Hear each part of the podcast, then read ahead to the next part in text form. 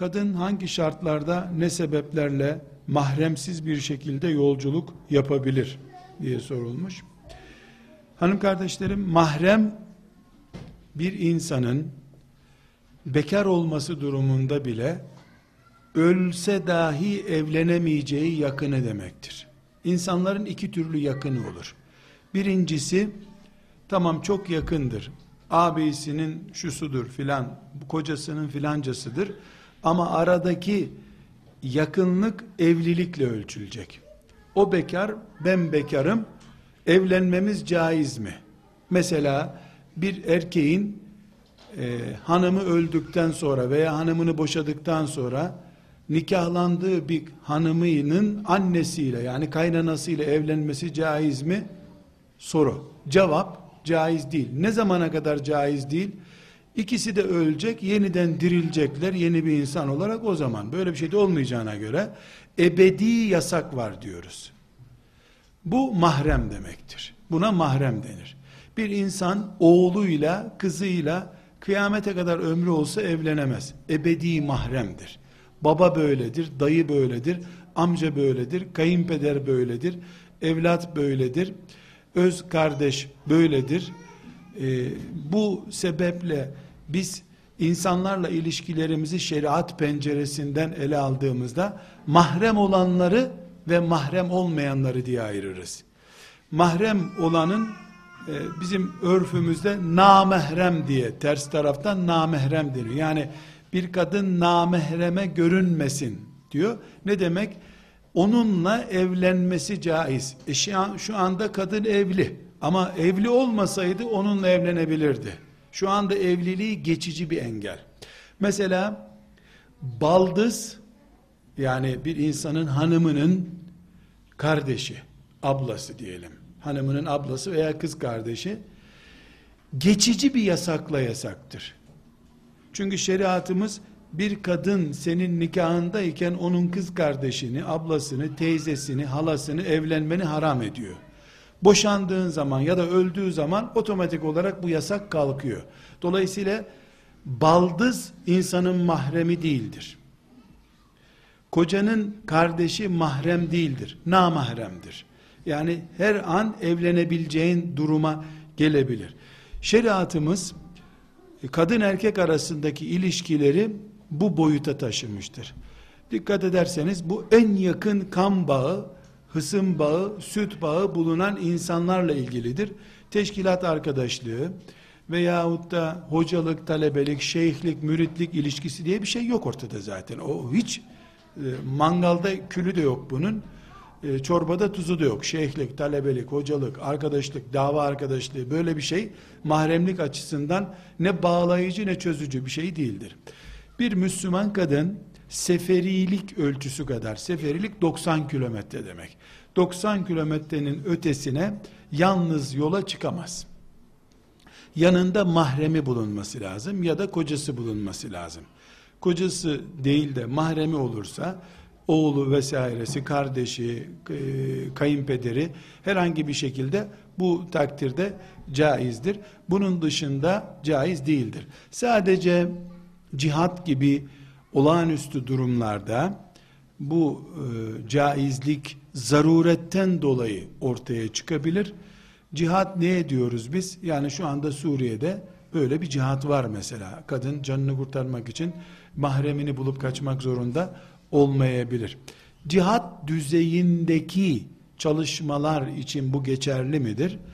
Buradaki soru cihat düzeyinde kelimesi herkesin kalbinde değişik bir yerde oturuyor. Bir kongrede dedikodu yapmak için giden de cihatta hissediyor kendisini. Olabilir. Ee, ama cihat anlayışını ne belirleyecek? Bedir belirleyecek. Bedir. Bedir'deki düzey cihat düzeyidir. Uhud'daki düzey cihat düzeyidir. Biz e, kebap yiyeceğiz kongreden sonra ama bizimki de Bedir sayılır. Vallahi bilemiyorum. Herkesin imanı ayrı bir mesele. Herkes kendine biraz önce ne dedik? Cevaba takılmak yok. Kalbimizde iman var. Efendimiz sallallahu aleyhi ve sellem ne buyuruyor? Sana evet olur deseler de müftüler sen kalbine bir daha sor diyor. Çünkü gelip sen öyle bir anlatıyorsun ki alimallah Bedir bile düşük kalır senin anlattığına göre.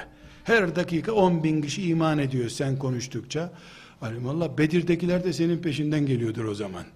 Sen anlattığının cevabı bu ama Allah kalpleri dinliyor. Alimun bizatis sudur Allah. Kalplere bakıyor. Biz dudaklar ve kulakların iletişimiyle karar veriyoruz. Dolayısıyla cihat nedir? Neye cihat denir? Ayrı bir konu.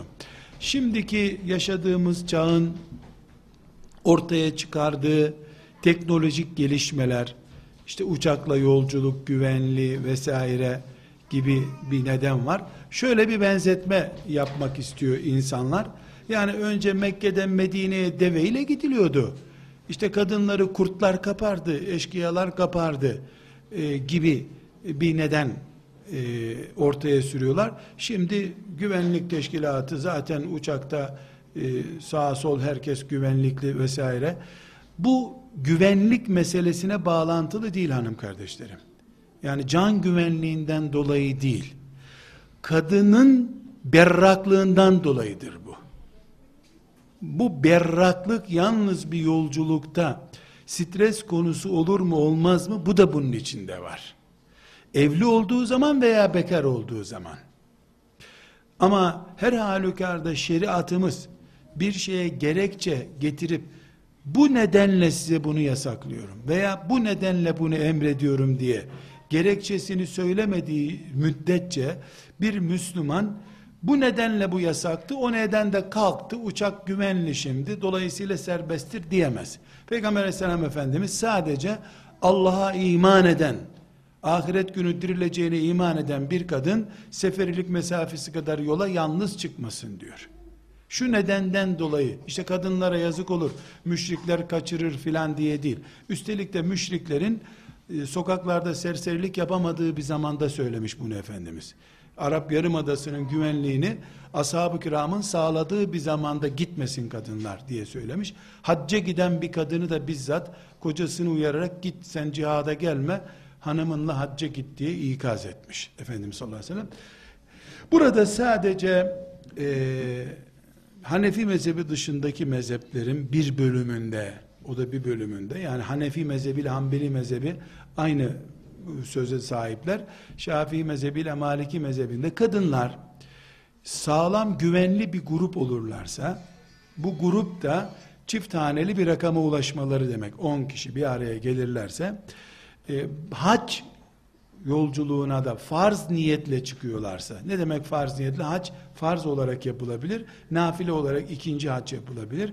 Böyle bir hac yolculuğuna izin verilebilir diye fetva vermişler. Burada farz zarurettir diye. Kalabalık bir kadın grubu olursa ve farz olan hacca giderlerse yine hac düzeyinde bir iş yapılıyorsa İslam'ın beş şartından biri sayılacak bir iş yapılıyorsa bunu ona yine kıyas edebiliriz. Yine müftü hanımlar olarak size arz ediyorum bu meseleyi. Hac düzeyinde mi, cihat düzeyinde mi? Ee, herkesin tabi imanı kendine ait. Çünkü herkes istediği zaman evirip çevirip fetva bulabileceği bir mazeret icat edebilir. Kimseyi itham etme hakkımız da yok. Kimseye sen serbestsin, şeriat sana mahsus özel kurallar veriyor demeye de ihtiyacımız yok.